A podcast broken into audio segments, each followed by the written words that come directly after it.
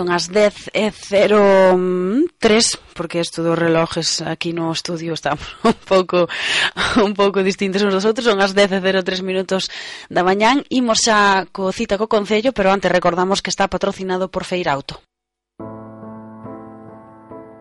Séntese no diván, conteme, soy o correo pasar por Baio. Sí, un suor frío, O ruido do coche sona diferente. Parece que se machica. Por que cree que lle pasa? Non sei. Vostede é o psicólogo. Ten que haber algo que non me contou. Conte. É que o coche, o coche, non o comprei en Feirauto. Evita trastornos, non sufras. Se precisas coche, ven a Baio. É que son tan baratos, tan bonitos. Hai tanto donde escoller. Feirauto, en Baio, capital do automóvil.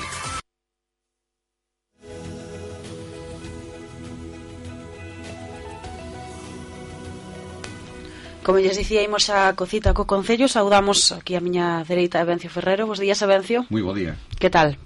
Bo día, de certo, non? Hoxe podémoslo decir de verdad, non? Sí, sí, sí, a verdad que a luz sempre dá máis ánimo, non? Máis sí. alegría Sí, eu creo que a maioría coincidimos neso que aínda que nos guste a chuvia porque convivimos con ela perfectamente é necesaria, a chuvia é moi necesaria ademais, Un día como hoxe, pois pues, tamén alegra, non? Uh -huh. Carballo sigue en obras, xa que falamos de, do tempo tamén podemos falar das obras que están tamén moi relacionadas ou dependen moito dese, dese factor eh, meteorolóxico eh, un montón de obras en, en marcha como, como van?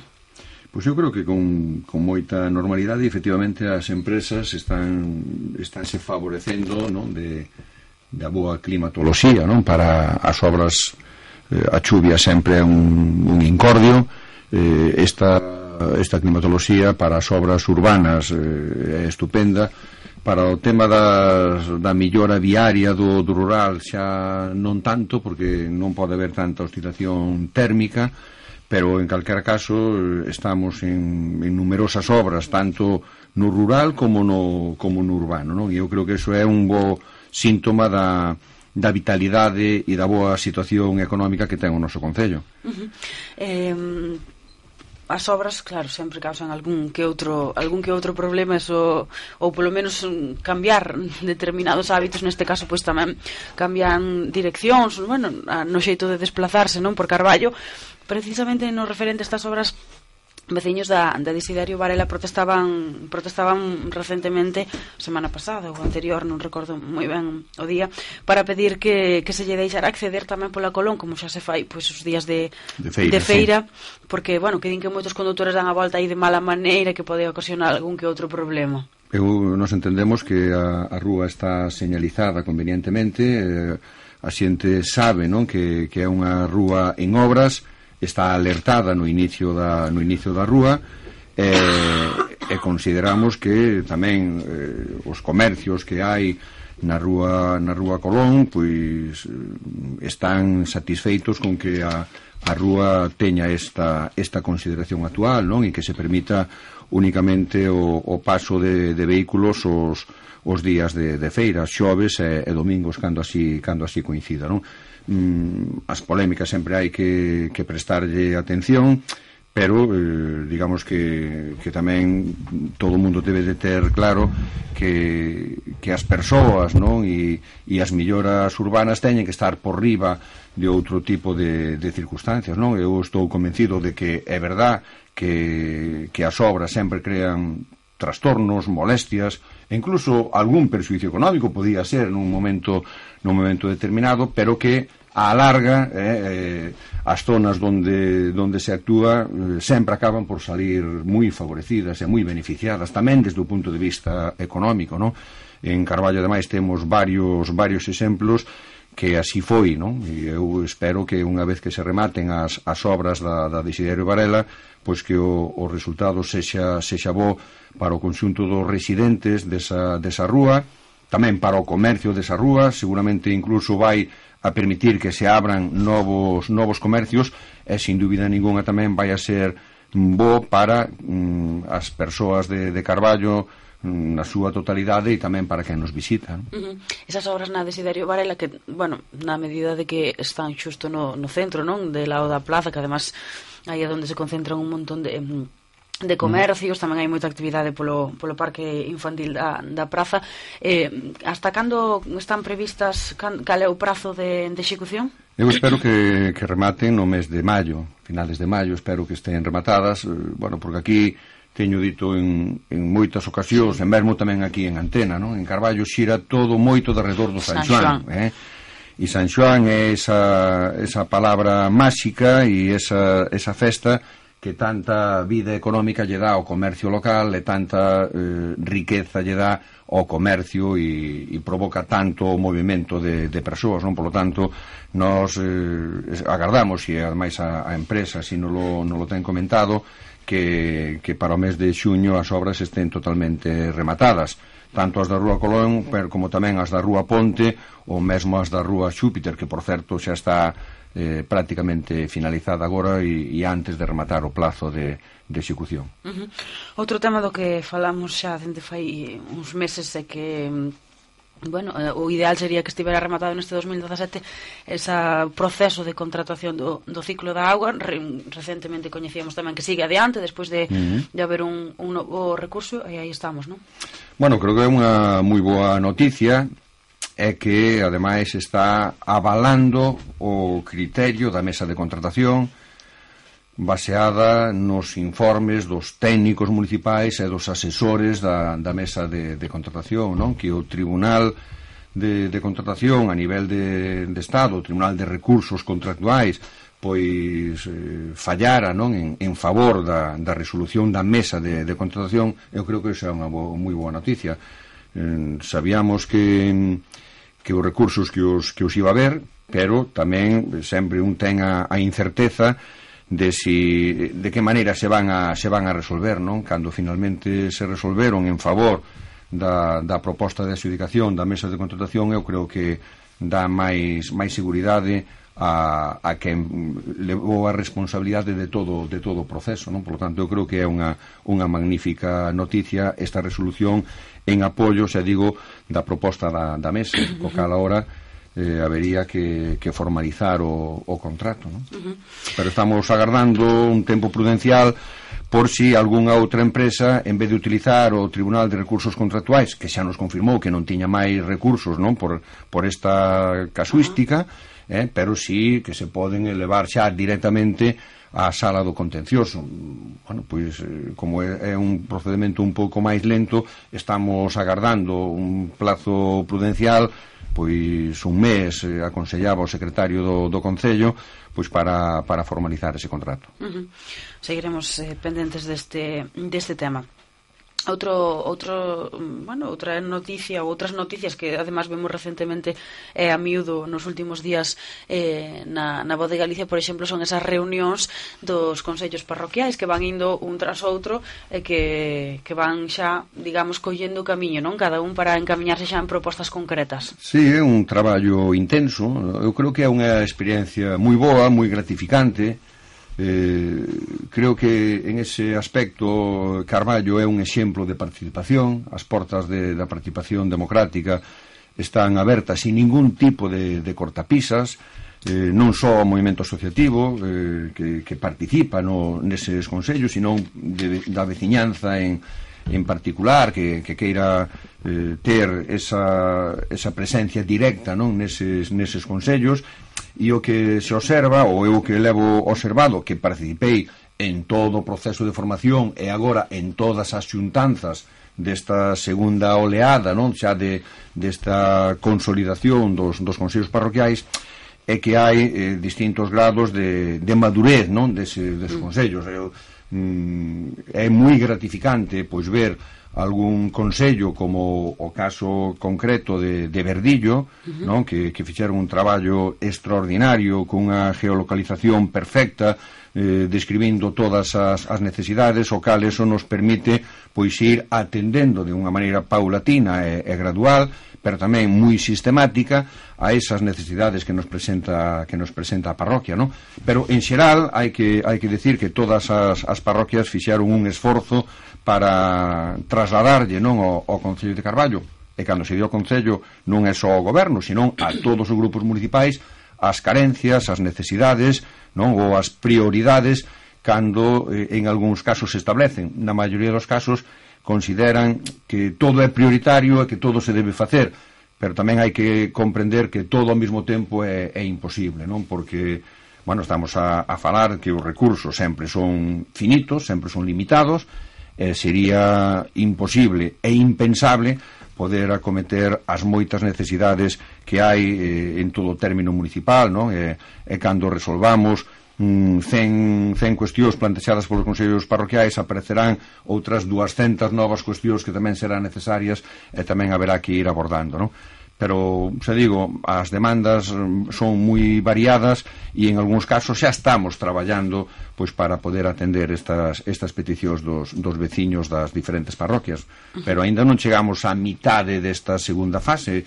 Para mañán temos o o de Vilela e tamén esta mesma semana o Benres temos o de Lema, non? Co cal, bueno, pois obliga a un esforzo de, de xuntanzas continuas eh, e para a semana creo que eran outros tres máis, non? Bueno, pois esperemos que este mes de, de marzo e o, e o primeiro venres de, de abril pois que quede que quede todo o proceso, esta segunda volta de, de xuntanzas que quede rematado. Uh -huh.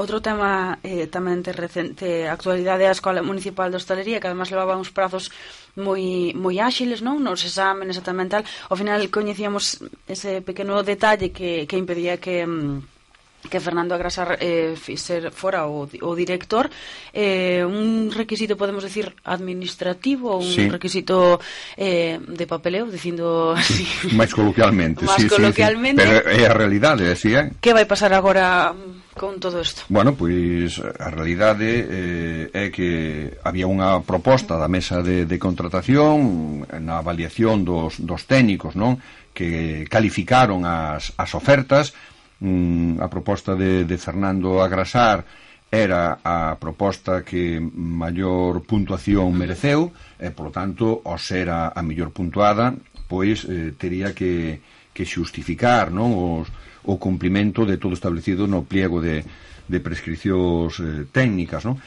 E, e atopámonos ca desagradable sorpresa que eh, non cumplía o requisito o requisito básico, non? Bueno, pois que, que tiña que ser o de impartir clase. Ten habilitada a empresa para multitude de, de actividades, eh, pero, sin embargo, eh, unha cuestión que, que era impartir docencia... A razón social, tal, ¿no? a, a razón social, uh -huh. pois esa en concreto, pois non, co cal eh, non foi posible propoñer a súa adjudicación, o seguinte eh, licitador está en baixa en baixa temeraria, co cal tamén ten que xustificar a baixa a baixa temeraria e teñen que ser os técnicos os que fagan os informes correspondentes a esa xustificación. Si, si se cumple pois será a proposta que se traslade á mesa de contratación. Se non eh, cumple cos requisitos establecidos nos pliegos a, a xuicio dos técnicos que avalíen a baixa, a baixa temeraria tería que quedar deserto o procedimento e, e abrir, a abrir de novo eh, un novo un novo proceso de licitación. Isto que ocasiona tamén é un pouco un retraso no proceso que, como dicía, iba moi, moi áxil, non? Sí, eh, iba moi áxil, eh, de feito xa estaba feita a selección de alumnado, que hubo unha altísima demanda, había máis de 100 aspirantes para, para 15, 15 prazas, co cal xa se fixera o proceso selectivo, Bueno, eh, isto é para reflexionar as dificultades que ten a vida administrativa, non? É dicir, unha cousa é o que nos día o corazón eh, é a cabeza e outra cousa é os muros da, da realidade. Cando un se atopa non cas, cas circunstancias que están establecidas por lei, pois ao respecto á legalidade ten que estar sempre por diante de outro tipo de cuestións, lóxicamente. Non? Uh -huh máis cousas, eh, Vencio, eh, como vai o proceso para, para, para rematar de instalar? Porque ademais as instalacións xa estaban finalizadas as oficinas de Policía Nacional. Bueno, eu teño que dicir que non, a pregunta non estaba preparada, verdad? É dicir que no, no, no. fixéchela eu nunca Ninguna está preparada, teño que digo, decir. teño que teño que decir que nunca, no, digo digo isto porque onte mesmo eh falamos cos responsables da da policía porque para este venres xa veñen a, a coñecer as instalacións e o próximo luns o próximo luns, o día, o día 20 eh, pois xa se empezarán a expedir os primeiros carnés ah. eh? o cal, a partir do, do próximo luns e durante todos os días non xa eh, hábiles pois eh, a unidade de de documentación eh, e, e DNIs da, da policía estará atendendo non a, aquí en Carballo permanentemente. Creemos que é un servicio extraordinario que, que reforza non esta centralidade de, de Carballo. Dai todas as facilidades que lle demos a, a policía para, para que se ubicaran en, en sede municipal. Eh, eu creo que é unha magnífica noticia. Según comentamos co, co xefe de gabinete de, da, de, da subdelegación do goberno pois eh, estaba pendente de confirmar agora, pero o lunes a media mañán farase entrega oficial do primeiro DNI que se, que se tramita de maneira directa nas oficinas de, de Carballo. Eh? O sea, convocarase a, a prensa, como é lóxico, e de principio está confirmada a asistencia do subdelegado do goberno e por parte da delegación estaban pendientes de axustar a súa xenda por si tamén era posible que o propio delegado tamén nos acompañara. Uh -huh. O sea que sin querelo temos unha exclusiva. Pois, pois pues, sí, eh? Decir, pero ese, bo, ese é o traballo do periodista, claro, non? Claro. ou da periodista en este caso, que sin decirlo, eh, pois é capaz de buscar esa, esa noticia claro, claro. e eu creo que é unha, unha noticia de alcance, sobre todo para o servicio que se presta para toda a Costa da Morte, porque sí. eh, as dificultades eh, que había na actualidade non para tramitar o DNI as colas que había que facer o, o desplazamento, neste caso a Coruña ou a Santiago claro, entonces, bueno, pois eu creo que é unha, unha moi boa noticia bueno, e hai que decir que por parte da, da policía eh, o proceso fixose con bastante celeridade mm. e eu moi agradecido a que se dispuxera non que, que Carballo que sexa sede para, para esta unidade de documentación e de, e de DNI non? Uh -huh. Ben, pois hai aí queda esa, esa boa nova de que luns eh, comezará xa a funcionar máis, eh, máis temas alcalde falábamos Eh, tiñemos que preguntarlle tamén por, por la falta tamén de, de noticias se hai se lle trasladaron algunha novidade sobre a, de, a desaparición de José Lamas Pois a verdade é que non a verdade é que non estivemos xa desde os primeiros momentos, non? Pois, eh, bueno, antes de, bueno, nas datas de, de Nadal, que foi cando cando sucedeu esta, esta desaparición e non volvemos a, a, ter, a ter noticia, non? Sempre estas, estas mm, realidades, bueno, estas circunstancias sempre moven moito, non? O, sí o, os sentimentos propios, sobre todo hai que pensar na, na familia, bueno, en todo, pero bueno, a ver si, si é verdad que a noticia aparece en algún momento e por suposto que nos gustaría que fora unha unha noticia feliz, non? Uh -huh. eh, outro tema polo que tamén temos que, que preguntarlle, falábamos eh, fai meses xa eh, da CEMAT, mm. falábamos desas cuotas que teñen que abonar os concellos, non sei se o de Carballo finalmente... Esta semana pagarase todo, xa se firmou, o decreto de, de abono da, das cuotas que estaban, que estaban pendentes, non? Porque uh -huh. hubo que, que facer o proceso de formalización de, de que Carballo formara, formara parte desa... De desa coordinadora ou, ou desa plataforma no que, por suposto, Carballo, en concreto, hai que decilo, non? Xosé Regueira, pois sí. foi un dos impulsores e, e ademais un dos dinamizadores como ademais responsable de, de turismo do Concello e tamén da propia, da propia Diputación, non? Uh -huh. Imos escoitar as preguntas da, da oposición. Imos empezar pola pregunta da, da oposición do Partido Popular. Escoitamos a Héctor. Bos días. A pregunta que queremos facer desde o Grupo Municipal do Partido Popular a este goberno é para cando teñen previsto a reapertura da carretera que une Arnados co Porto de Razo. Esta é unha pregunta que xa fixemos en algún pleno e a contestación sempre foi que estaba pendente da aprobación definitiva do Plan Xeral de Ordenación Municipal. Agora que xa levamos un ano co plan aprobado, queremos saber eh, para cando teñen previsto esta reapertura. Moitas gracias. Escoitábamos a Héctor Andrade, que non me salía min o apelido antes. Pois moi bo día. Eh, Héctor, como ademais bo veciño de Razo, ten que, ten que facer patria, non? Eh, Esta, eh, efectivamente comentouse que estaba pendente da aprobación do, do plan xeral e, e o plan xeral subsidiariamente deriva a aprobación do plan especial de razo de razo eh, e baldallo, non? Pero bueno, son dous plans distintos e que se teñen que tramitar por, por separado. Eh, estaban os, os técnicos municipais redatando as, as bases para poder licitar estas estes eh, pliegos eh, ou, ou estes plans especiais para que ordene de maneira definitiva e por unha temporada longa todo o, o ámbito da costa da costa carballesa, non? Son dous dous plans especiais con un orzamento cada un deles eh, sobre os aproximadamente sobre os 100.000 euros ou algo máis de, de un pouquiño máis de, de 100.000 euros uh -huh. e esperemos que pronto a, a oficina técnica teña xa a proposta de, de pliegos para poder sacar a licitación non? Uh -huh. e, eu comprendo que é unha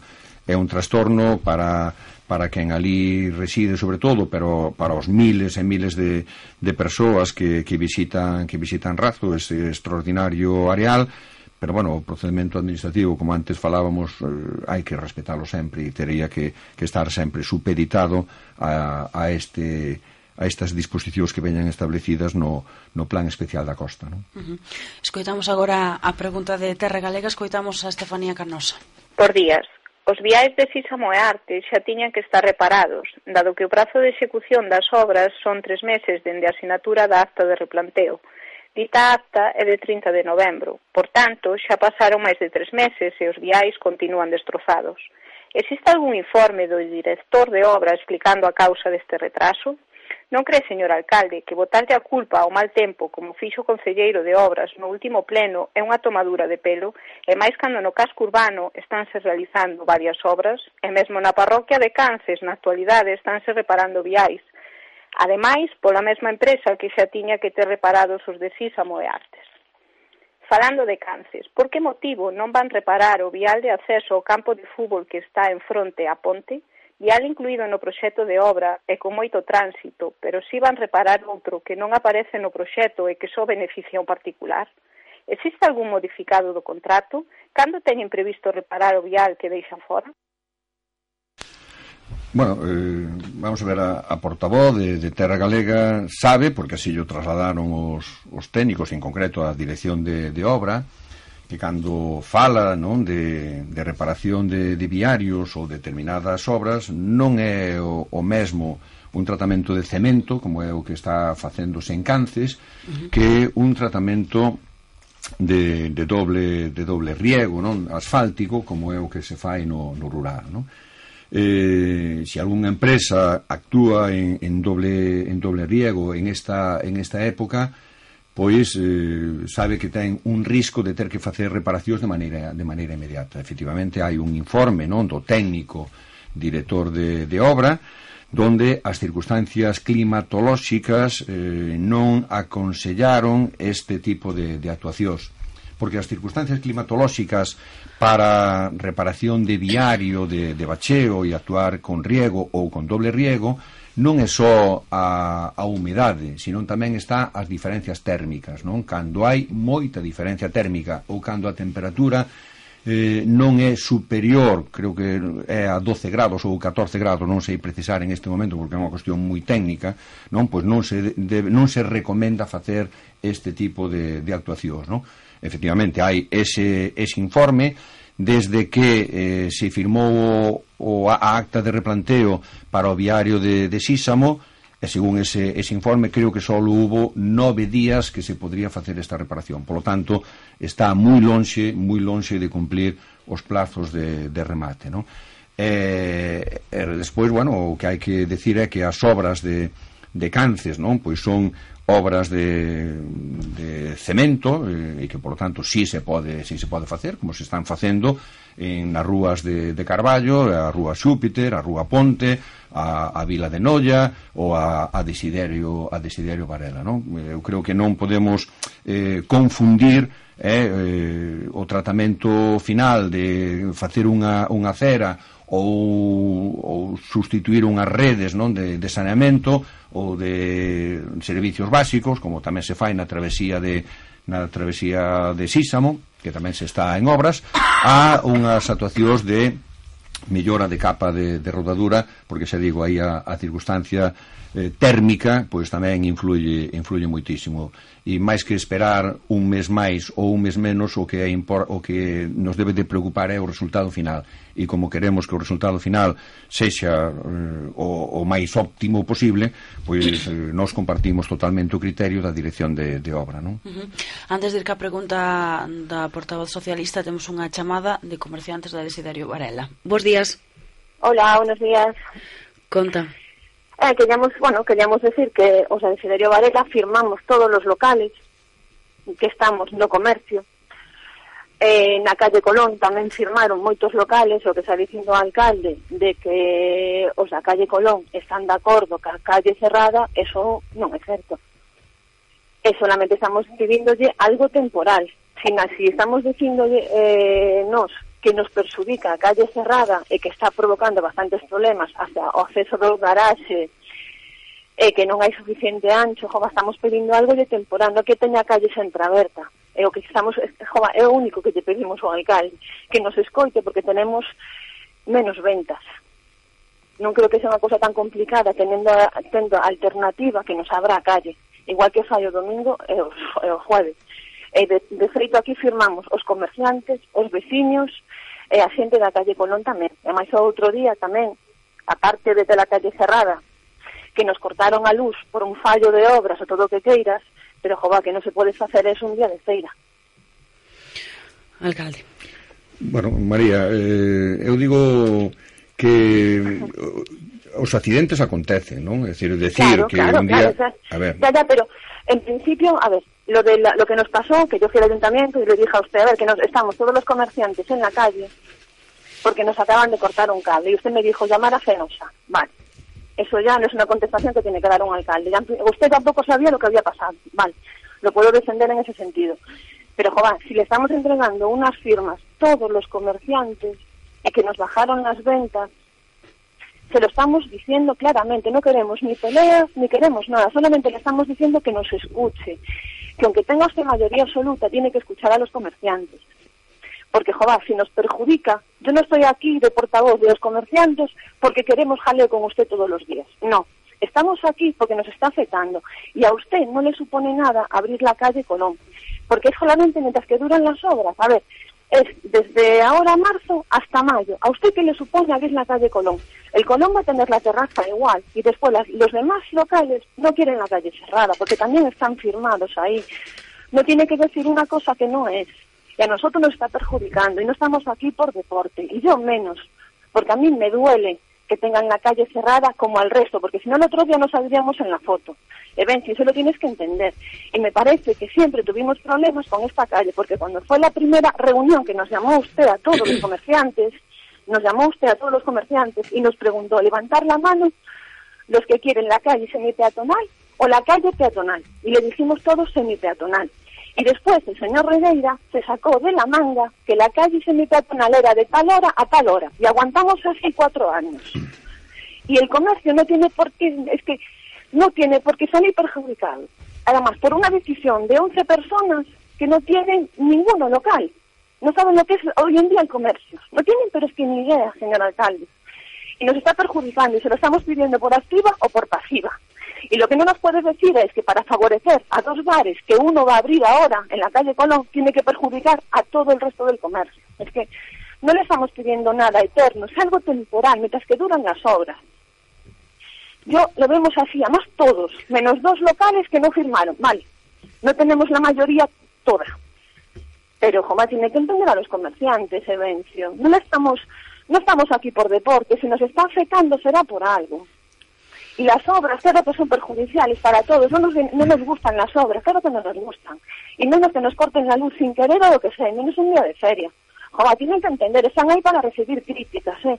pero no tienen por qué salir perjudicados ni los comerciantes ni los peatones. Y tiene sitio para todo, peatones, para terrazas, tiene sitio para todo, Evencio.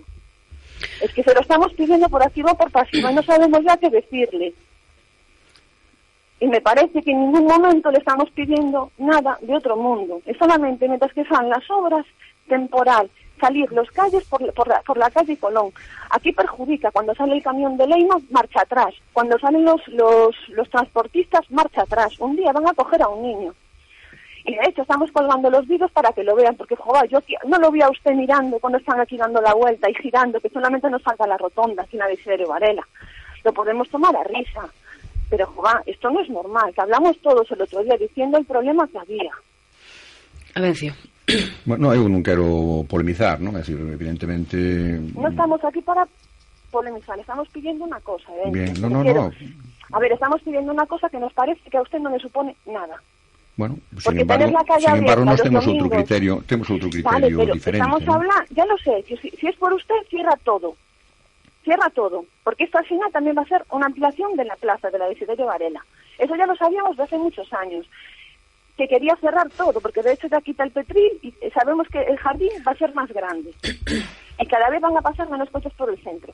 Pero, Jova, no le supone nada si se lo están pidiendo, por favor, porque se lo están pidiendo, por favor, que deje la calle porque es un incordio, porque ayer mismo estuve a punto de salir yo porque vino una ambulancia, entró la ambulancia, además que, la gente no ve el cartel grande, es que no sé si lo, lo que pone más grande, no lo entiendo, pero ayer una ambulancia iba al servicio y llegó hasta aquí, hasta delante de la lotería, y le dije yo, ¿aquí quieres que te abra la reja?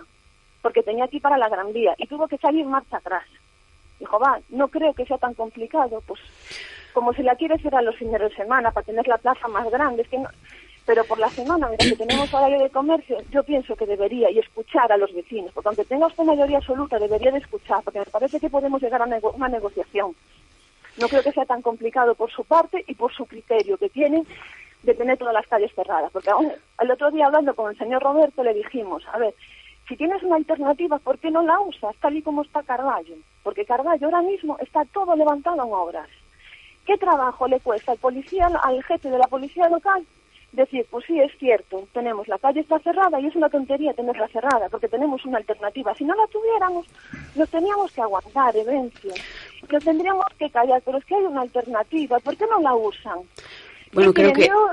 Evencio, no sé si yo quieres... pienso que tienen miedo, de los, no lo sé. Es que no le estamos pidiendo nada de otro mundo. No, no sé. sé. si quieres añadir algo, creo que a idea de todas formas quedou, está, quedou sí, clara. Sí, está, perfectamente, vale. está perfectamente claro. Eu que quero tamén deixar, dejar, deixar constancia de que hai veciños residentes na, na Desiderio Varela tamén, tamén firmaron, eh, que están de acordo. No, perdone, perdone, perdone. Eh, vamos, vamos deixar que vamos deixar que vamos María, claro. perdón, vamos deixar cosa, vale, perdón, despois no, deixoche despois deixoche dicilo. Cosa, eh, me parece que las firmas que entregamos menos en los edificios, menos pongamos tres o cuatro familias, después firmaron todos eh, edificios y comerciantes. Vale, y agora vamos y algún transportista. Vamos deixar agora que, claro, conteste o alcalde, por favor. Vale, perfecto. Evencio. Non, non, eu non é cuestión de, de andar en, en polémicas de máis firmas ou, ou menos firmas, non? É dicir, eh, sabemos que, que esa, esa problemática existe, sabemos que durante o, o período de obras vai haber estas molestias, sabemos que que é unha, unha preocupación de, de un número importante de, de comerciantes, pero a noso que nos, o que nos ten que, que preocupar é eh, eso, que as obras se poidan realizar con, con normalidade, que se rematen no, no plazo que sexan necesarios. Nós estamos en contacto non ca, ca Policía Local para garantir sempre non, uh, os aspectos de, de seguridade e iso é o que, o que nos ten que, que preocupar permanente, permanentemente. ¿no? Eh, nós eh, pensamos que derivar o tráfico diariamente non pola, pola rúa Colón pois choca non ca, co noso modelo co noso modelo urbano que pode estar equivocado pero é o modelo que nós temos e é o que estamos implantando non?